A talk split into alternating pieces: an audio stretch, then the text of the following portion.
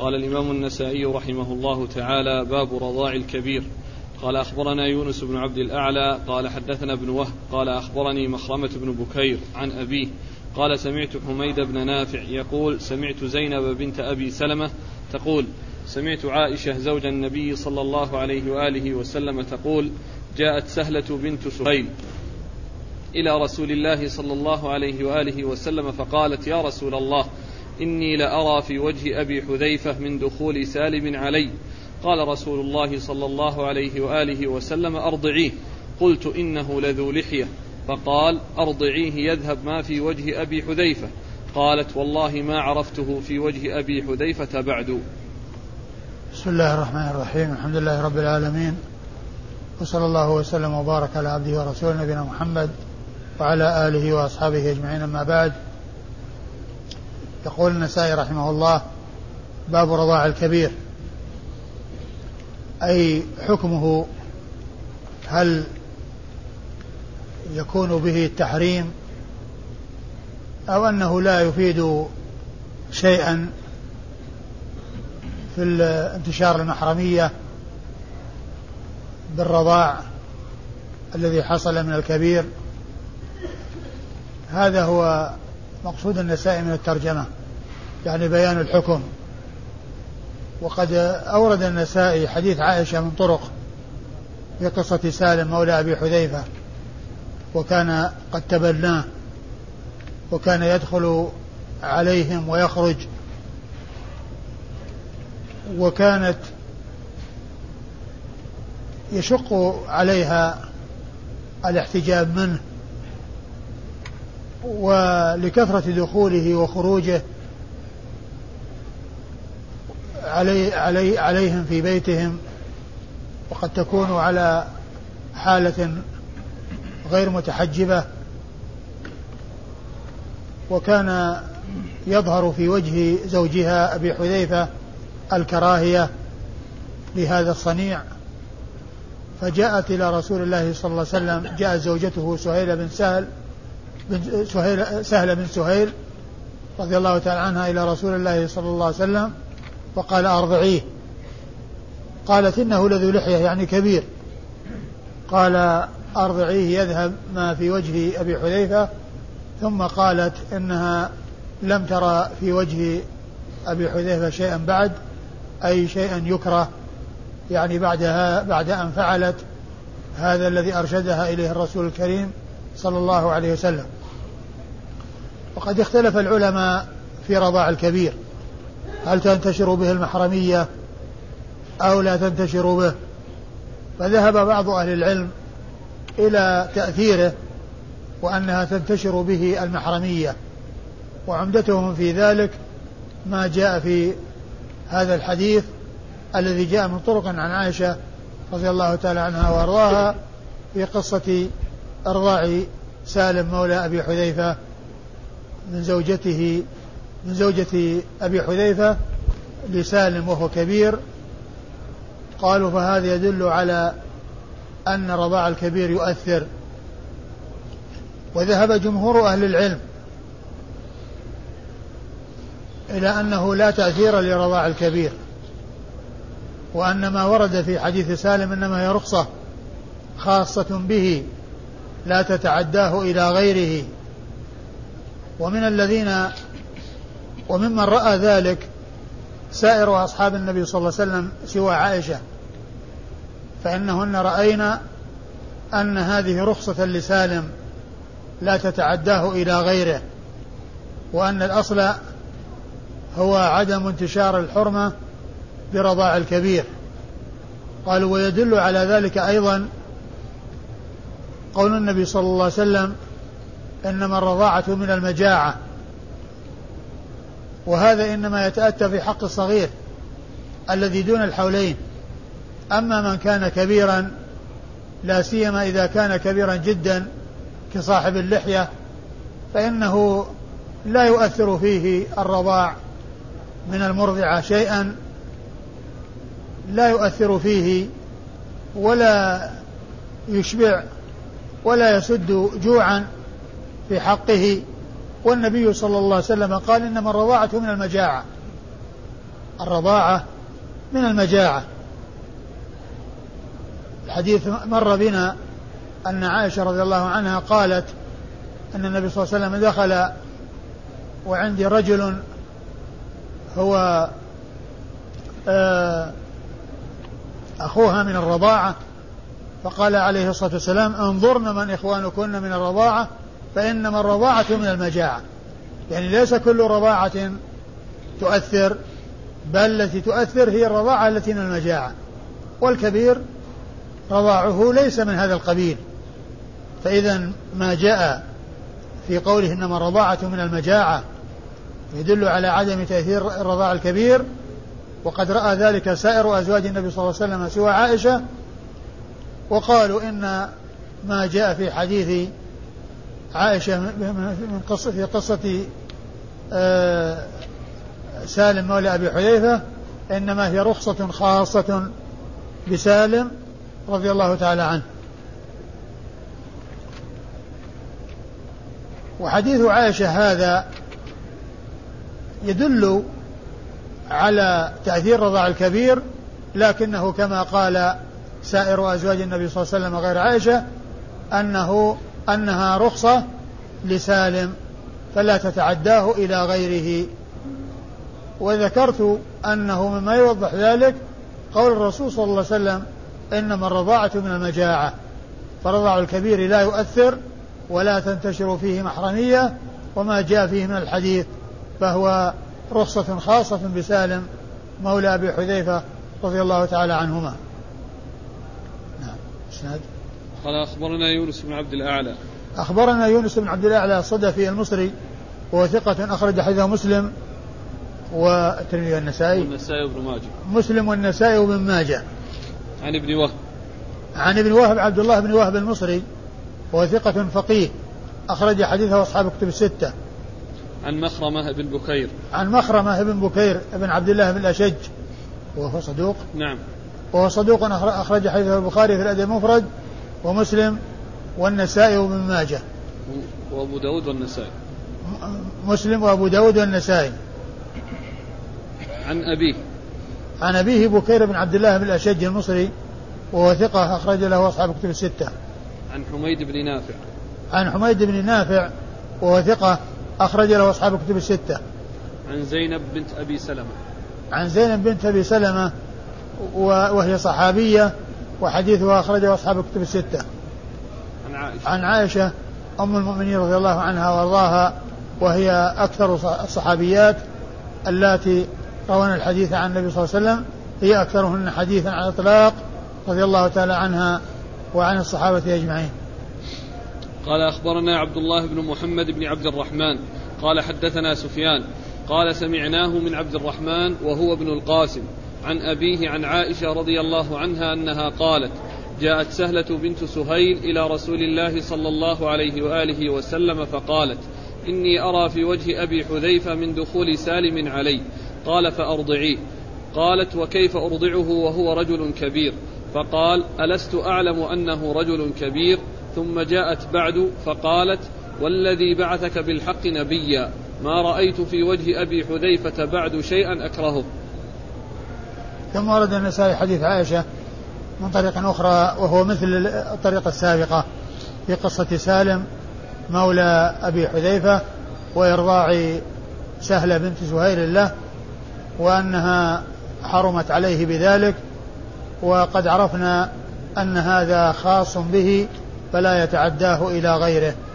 والإسناد؟ قال أخبرنا عبد الله بن محمد بن عبد الرحمن. أخبرنا عبد الله بن محمد بن عبد الرحمن المخرمي وهو صدوق أخرج حديثه مسلم وأصحاب السنن أخرج حديثه مسلم وأصحاب السنن الأربعة. عن سفيان. عن سفيان وهو بن عيينة ثقة أخرج له أصحاب الكتب الستة. عن عبد الرحمن. عن عبد الرحمن وهو ابن القاسم. عبد الرحمن هو ابن القاسم. وهو ثقة أخرج له أصحاب الكتب الستة. عن, عن أبيه نعم. عن أبيه القاسم بن محمد بن أبي بكر الصديق. وهو ثقة فقيه من فقهاء المدينة السبعة في عصر التابعين وحديثه أخرجه أصحاب الكتب الستة. عن عائشة. عن أم المؤمنين عائشة رضي الله عنها وقد مر ذكرها. قال أخبرنا أحمد بن يحيى بن الوزير قال سمعت ابن وهب قال أخبرني سليمان عن يحيى وربيعة عن القاسم عن عائشة رضي الله عنها أنها قالت أمر النبي صلى الله عليه وآله وسلم امرأة أبي حذيفة أن ترضع سالما مولى أبي حذيفة حتى تذهب غيرة أبي حذيفة فأرضعته وهو رجل. قال ربيعة فكانت رخصة لسالم. ثم ورد النسائي حديث عائشة من طريق أخرى وفيه ما في الذي قبله من جهة أمر النبي صلى الله عليه وسلم لزوجة أبي حذيفة بأن ترضع سالما مولاة وأنها وأن وأنها بذلك يذهب ما في وجه أبي أبي أبي, أبي حذيفة من الكراهية. قالوا فدل قالوا فهذا يدل على رضاع الكبير ولكن عرفنا أن الجمهور على أنه لا يؤثر وأن هذه رخصة خاصة بسالم مولى أبي حذيفة. حديث قال أخبرنا أحمد بن يحيى بن الوزير. أخبرنا أحمد بن يحيى بن الوزير وهو ثقة أخرج له أبو داود والنسائي. وهو ثقة أخرج له أبو داود والنسائي. عن ابن وهب. عن ابن وهب وقد مر ذكره. عن سليمان.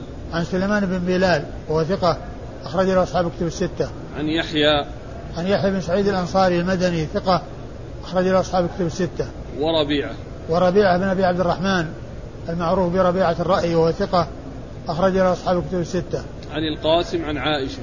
عن القاسم عن عائشة وقد مر ذكرهما. قال أخبرنا حميد بن مسعدة عن سفيان وهو ابن حبيب عن ابن جريج عن ابن أبي مليكة عن القاسم بن محمد عن عائشة رضي الله عنها أنها قالت جاءت سهلة إلى رسول الله صلى الله عليه وآله وسلم فقالت يا رسول الله إن سالما يدخل علينا وقد عقل ما يعقل الرجال وعلم ما يعلم الرجال قال أرضعيه تحرمي عليه بذلك فمكثت حولا لا أحدث به ولقيت القاسم فقال حدث به ولا تهابه. ثم أورد النسائي حديث عائشة من طريق أخرى وهو مثل ما تقدم في إرضاع الكبير وعرفنا أن هذه رخصة خاصة بسالم مولى أبي حذيفة وفيه أن أحد رواته مكث مدة يعني لا يحدث بالحديث وبعد ذلك لقي القاسم وقال حدث به ولا تهابه. قال أخبرنا حميد بن مسعدة. حميد بن مسعدة آه، صدوق أخرج حديثه مسلم وأصحاب السنة الأربعة عن سفيان وهو ابن حبيب. عن سفيان بن حبيب وهو ثقة أخرج له البخاري في الأدب المفرد. وأصحاب السنن. أخرج له البخاري في الأدب المفرد وأصحاب السنن. عن ابن جريج. عن ابن جريج عبد الملك بن عبد العزيز بن جريج المكي. ثقة فقيه يرسل ويدلس وحديثه أخرجه أصحاب الكتب الستة. عن ابن أبي مليكة عن ابن أبي مليكة وهو محمد بن عبد الرحمن ابن أبي مليكة المدني ثقة أخرج له أصحاب الكتب الستة. عن القاسم عن عائشة عن القاسم عن عائشة وقد مر ذكرهما قال أخبرنا عمرو بن علي عن عبد الوهاب قال حدثنا أيوب عن ابن أبي مليكة عن القاسم عن عائشة رضي الله عنها أن سالما مولى أبي حذيفة كان مع أبي حذيفة وأهله في بيتهم فأتت بنت سهيل إلى إلى النبي صلى الله عليه وآله وسلم فقالت إن سالما قد بلغ ما يبلغ الرجال وعقل ما عقلوه وإنه يدخل علينا وإني أظن في نفس أبي حذيفة من ذلك شيئا. فقال النبي صلى الله عليه وآله وسلم أرضعيه تحرمي عليه. فأرضعته فذهب الذي في نفس أبي حذيفة فرجعت إليه فقلت إني قد أرضعته فذهب الذي في نفس أبي حذيفة. ثم ورد حديث عائشة من طريق أخرى وهو مثل ما تقدم والإسناد. قال أخبرنا عمرو بن علي. أخبرنا عمرو بن علي الفلاس ثقة. أخرج حديث أصحاب الكتب الستة بل هو شيخ لاصحاب الكتب الستة روى عنه مباشرة وبدون واسطة. عن عبد الوهاب. عن عبد الوهاب بن عبد المجيد وهو ثقة أخرج له أصحاب الكتب الستة. عن أيوب. عن أيوب بن أبي تميم السختياني وهو ثقة أخرج له أصحاب الكتب الستة. عن, أب... عن ابن أبي مليكة عن القاسم عن عائشة. عن ابن أبي مليكة عن القاسم عن عائشة وقد مر ذكر هؤلاء الثلاثة. الأخ يسأل من الراوي الذي بقي حولا كاملا لا يحدث بهذا الحديث الذي قبل؟ الذي يروي عن القاسم. ابن أبي مليكة. الذي يروي عن القاسم وابن أبي مليكة. نعم. قال أخبرنا يونس بن عبد الأعلى قال أخبرنا ابن وهب قال أخبرني يونس ومالك عن ابن شهاب عن عروة قال أبى سائر أزواج النبي صلى الله عليه وآله وسلم أن يدخل عليهن بتلك الرضعة أحد من الناس يريد رضاعة الكبير. وقلنا لعائشة والله ما نرى الذي أمر رسول الله صلى الله عليه وآله وسلم سهلة بنت سهيل إلا رخصة في رضاعة سالم. وحده من رسول الله صلى الله عليه وآله وسلم. والله لا يدخل علينا أحد بهذه الرضعة ولا يرانا. ثم ورد النسائي هذا الأثر عن عروة بن الزبير يحكي عن أمهات المؤمنين رضي الله تعالى عنهن وأرضاهن ويعني سوى عائشة وقوله سائر سائر يعني البواقي الباقي يعني غير عائشة. وعائشة رضي الله عنها وأرضاها كانت ترى أن رضاع الكبير يؤثر وأن هذا لا يختص بسالم مولى أبي حذيفة. وأما بقية أزواج النبي صلى الله عليه وسلم سواها فإنهن يرين أن التحريم لا ينتشر برضاع الكبير وأن ما جرى في حديث سهل بن سهيل إنما هي رخصة خاصة. لسالم مولى أبي حذيفة فلا تتعداه تتعداه إلى غيره. وكما عرفت يوضح ذلك وكما ذكرت يوضح ذلك ما جاء في الحديث إنما الرضاعة من المجاعة. إنما الرضاعة من المجاعة. فيكون التأثير إنما هو للرضاع الذي يكون به سد إقامة الأود وانتفاع الرضيع بالرضاع وليس الكبير كذلك فما جاء في حق سالم يكون رخصة خاصة به لا تتعداه إلى غيره كما قال ذلك سائر أزواج النبي صلى الله عليه وسلم. نعم. قال أخبرنا يونس بن عبد الأعلى عن ابن وهب عن يونس. أخبرنا يونس بن عبد الأعلى عن ابن وهب عن عن ابن وهب وقد مر ذكرهما عن يونس وهو بن يزيد الأيلي ثم المصري وهو ثقة أخرج له أصحاب كتب الستة. ومالك ومالك آه بن أنس إمام دار الهجرة الإمام المشهور أحد أصحاب المذاهب الأربعة المشهورة المشهورة في مذاهب أهل السنة. نعم. عن ابن شهاب. عن ابن شهاب محمد آه، آه، محمد بن مسلم بن عبيد الله بن شهاب الزهري ثقة فقيه أخرج له أصحاب كتب الستة. عن عروة عن عروة بن الزبير بن العوام ثقة فقيه من فقهاء المدينة السبعة في عصر التابعين وحديثه أخرجه أصحاب الكتب الستة. عن عائشة وقد مر ذكرها. قال أخبرنا عبد الملك بن شعيب بن الليث قال أخبرني أبي عن جدي قال حدثني عقيل عن ابن شهاب قال أخبرني أبو عبيدة بن عبد الله بن زمعة أن أمه زينب بنت أبي سلمة أخبرته أن أمها أم سلمة زوج النبي صلى الله عليه وآله وسلم كانت تقول أبى سائر أزواج أبى سائر أزواج النبي صلى الله عليه وآله وسلم أن يدخل عليهن بتلك الرضاعة. وقلنا لعائشة والله ما نرى هذه إلا رخصة رخصها رسول الله صلى الله عليه وآله وسلم خاصة لسالم فلا يدخل علينا أحد بهذه الرضاعة ولا يرانا.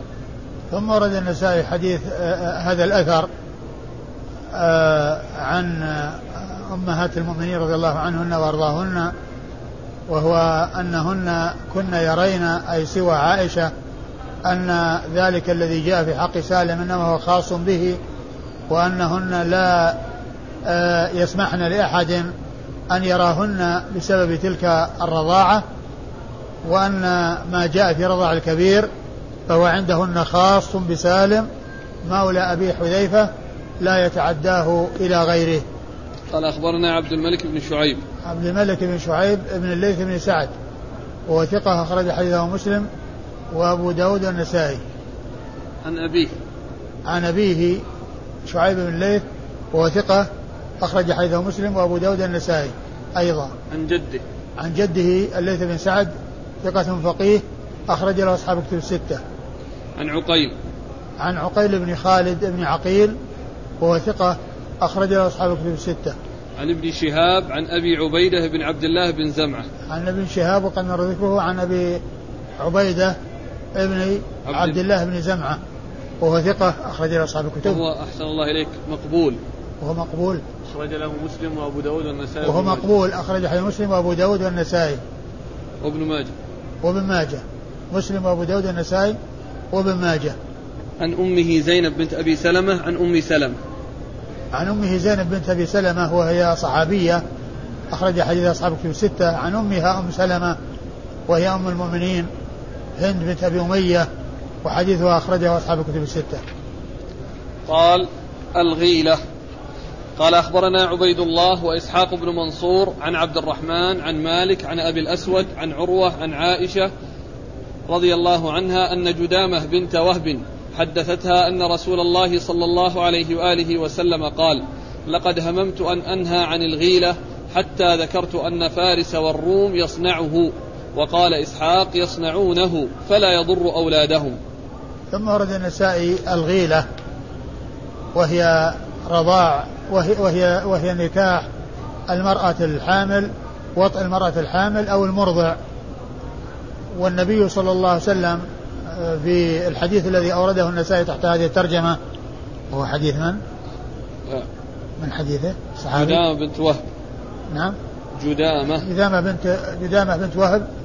قال أن النبي صلى الله عليه وسلم قال لقد هممت أن أنهى عن الغيلة ثم ثم حتى ذكرت أن فارس والروم يصنعه. حتى ذكرت أن فارس والروم يصنعه وفي لفظ إسحاق شيخه الثاني يصنعونه فلا يضر أولادهم يعني فلم ينه عنه. يعني أن وطء الحامل وكذلك وطء المرضع أنه لا بأس به ولا مانع منه والحمل بلا شك يعني هو لا يترتب عليه مضرة. وأما بالنسبة للمرضع فهو يؤثر على الرضيع يؤثر على الرضيع إذا يعني حملت أمه فيؤثر عليه. لكن آه، الرسول صلى الله عليه وسلم كما جاء في هذا الحديث هم أن ينهى عنه ولكنه تركه لأن فارس والروم يفعلونه ولا يضر أولادهم شيئا. أيوة. قال أخبرنا عبيد الله. أخبرنا عبيد الله هو بن سعيد السرخسي اليشكري ثقة أخرج حديث البخاري ومسلم والنسائي. وإسحاق بن منصور. وإسحاق بن منصور الكوسج وهو ثقة أخرج له أصحاب الكتب الستة إلا أبا داود. عن عبد الرحمن. عن عبد الرحمن بن مهدي البصري ثقة أخرج له أصحاب الكتب الستة. عن مالك عن أبي الأسود. عن مالك وقد مر ذكره عن أبي الأسود وهو محمد بن عبد الرحمن النوفلي وهو ثقة أخرج حديث أصحاب الكتب الستة. عن عروة عن عائشة عن جدامة بنت وهب. عن عروة عن عائشة وقد مر ذكرهما عن جذامة بنت وهب وهي صحابية أخرج حديثها. مسلم وأصحاب السنن. أخرج حديثها مسلم وأصحاب السنن الأربعة. قال باب العزل. قال أخبرنا إسماعيل بن مسعود وحميد بن مسعدة. قال حدثنا يزيد بن زريع. قال حدثنا ابن عون عن محمد بن سيرين عن عبد الرحمن بن بشر بن مسعود ورد الحديث حتى رده إلى أبي سعيد الخدري رضي الله عنه أنه قال ذكر ذلك عند رسول الله صلى الله عليه وآله وسلم. قال وما ذاكم؟ قلنا الرجل تكون له المرأة فيصيبها ويكره الحمل وتكون له الأمة فيصيب منها ويكره أن تحمل منه. قال لا عليكم ألا تفعلوا فإنما هو القدر. ثم ورد النسائي هذه الترجمة وهي العزل والعزل هو أنه عند الجماع إذا يعني آه، وصل الإنزال آه، ينزع ويفرغ خارج الفرج. هذا هو العزل.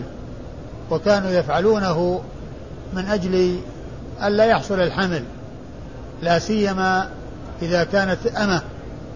لأن الأمة إذا حملت يكون لها حال تختلف عن حالها وهي وهي غير أم ولد.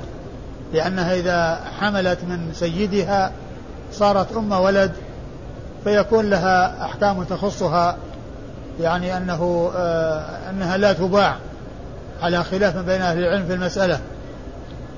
فكانوا يعزلون عن الإماء يعني خشية أن يحملن فلا يتمكنون من التصرف فيهن بالبيع. لا يتمكنون من التصرف فيهن بالبيع. وكذلك يعزلون عن آه، آه، نسائهم من أجل ألا يحملن و وبالنسبة للعزل عن الأمة له وجه من جهة أنه لا يستطيع التصرف فيها بعد أن تحمل وتكون ولد وأما بالنسبة للحرة فقد ذكر العلماء أنه لا يعزل عنها إلا بإذنها. لا يعزل عنها إلا بإذنها وبموافقتها. والنبي صلى الله عليه وسلم بين أن العزل إذا قدر الله عز وجل الولد فإنه يكون مع وجود العزل وذلك بأنه قد يحصل يعني خروج قطرة من غير إرادته و من غير أن يريد ذلك فيكون بها الحمل لأنه كما جاء في صحيح مسلم ليس ليس من من المني يكون الولد من كل المني يكون الولد. يعني ليس معنى ذلك أنه إذا أنزل يعني جميع ما يحصل عند الجماع من المني الذي يكون يحصل إنزاله عند الجماع. كله يكون من الحمل لا بل قطرة واحدة يكون من الحمل. قطرة واحدة. يعني شيء يسير يكون من الحمل. ولو أخرج باقيه من الخارج. فإذا فإذا انطلق منه قطرة يعني من غير آه، إرادته والله تعالى قدر ذلك ما يستطيع يعني آه، منع ذلك. وقد يحصل الجماع ثم تنطلق قطرة قبل أن ينزع فيكون منها الولد. فإذا قدر الله عز وجل ذلك حصل ووجد ما قدره الله عز وجل وإن كان الإنسان أراد يعني عدم الحمل. وكما ذكرت في صحيح مسلم ليس من كل المني يكون الولد. حديث عن الرسول صلى الله عليه وسلم ليس من كل المني يكون الولد يعني أنه يكون من قطرة. فليس معنى هذا أنه كلما حصل العزل يعني يؤمن من الحمل فقد يكون الجماع ثم تنطلق قطرة يكون بها الحمل وإن نزع وأفرغ خارج الفرج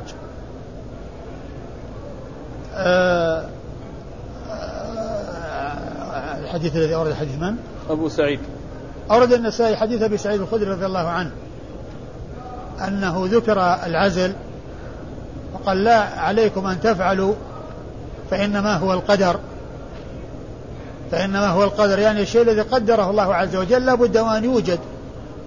ومن المعلوم أنه لا أن أن قضاء الله وقدره أنه لا يكون الولد إلا عن طريق المني الذي يكون من الرجل.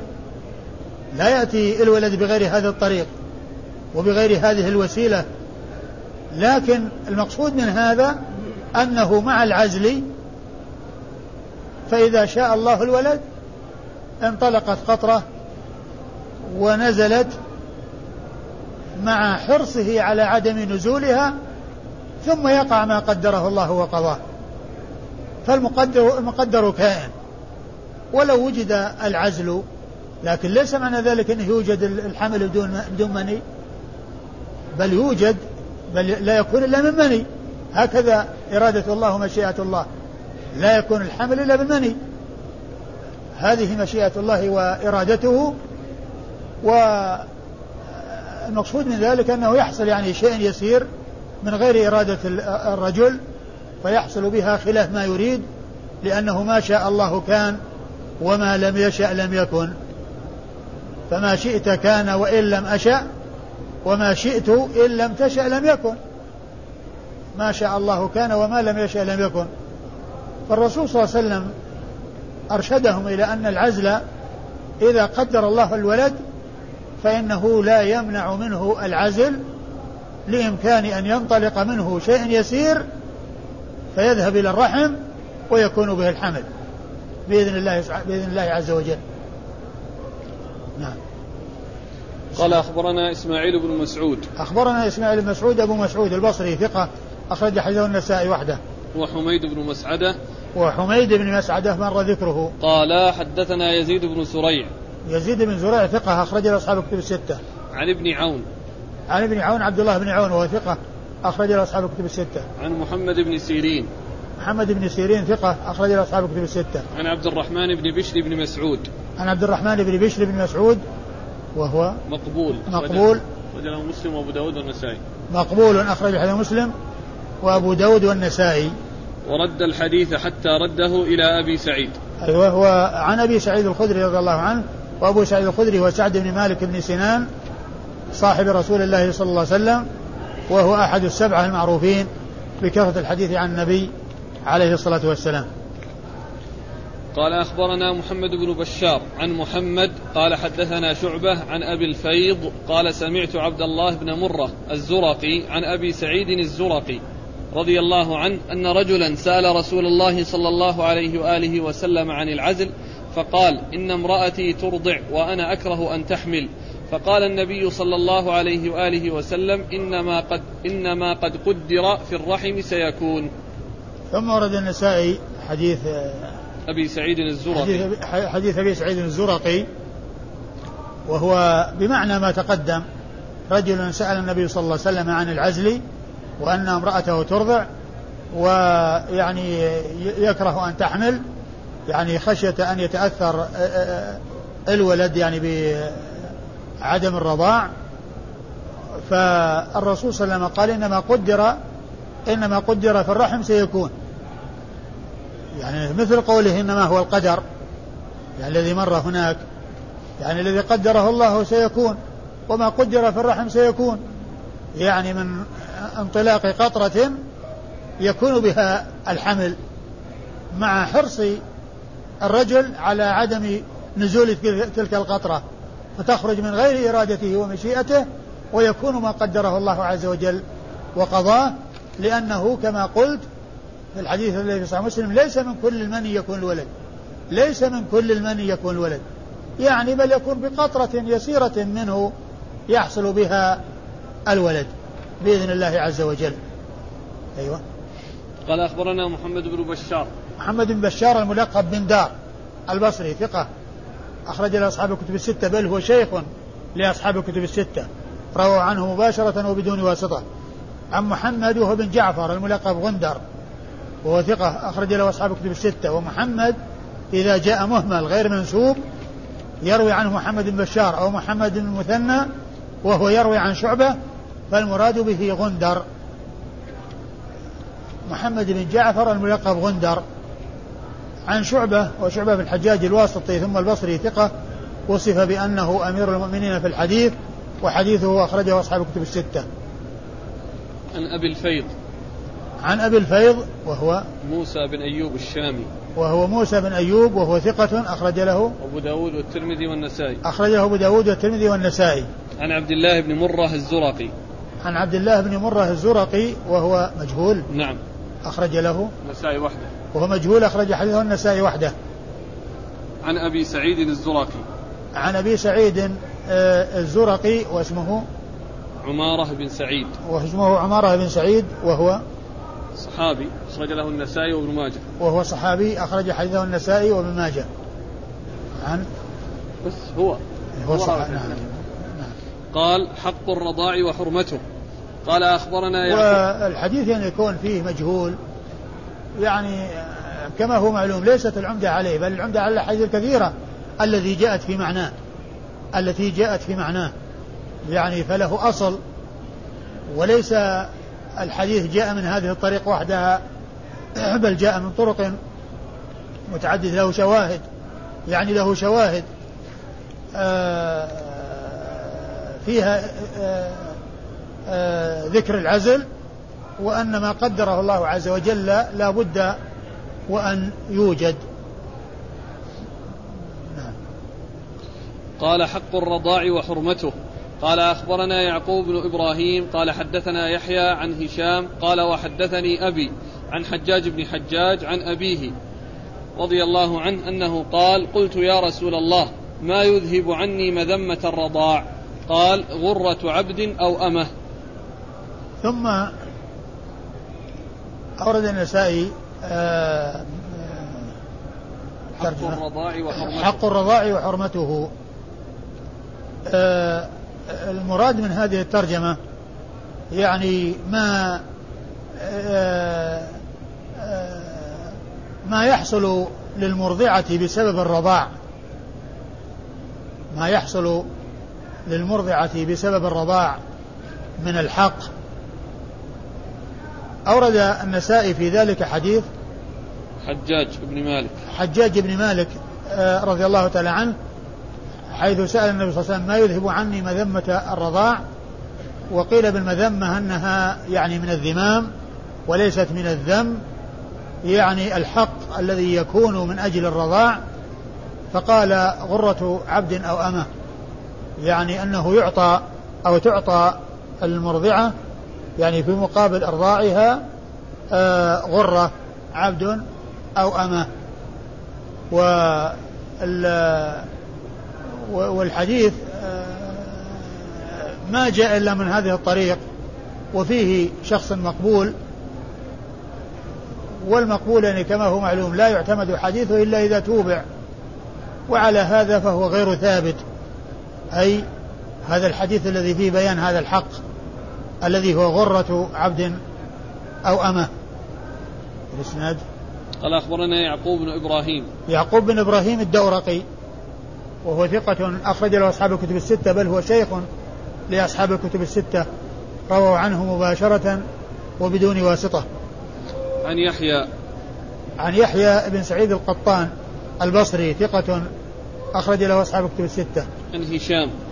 عن هشام بن عروة وهو ثقة أخرج له أصحاب الكتب الستة. عن أبيه عروة وهو ثقة فقيه من فقهاء المدينة السبعة أخرج له أصحاب الكتب الستة. عن حجاج بن حجاج. عن حجاج بن حجاج وهو مقبول أخرج حديثه. أبو داود والترمذي والنسائي. أبو داود والترمذي والنسائي. عن أبيه حجاج بن مالك صاحب رسول الله صلى الله عليه وسلم وحديثه أخرجه أبو داود والترمذي والنسائي. صلى الله إليك. ما المراد بقوله غرة؟ غرة يعني آه، آه، عبد. يعني آه،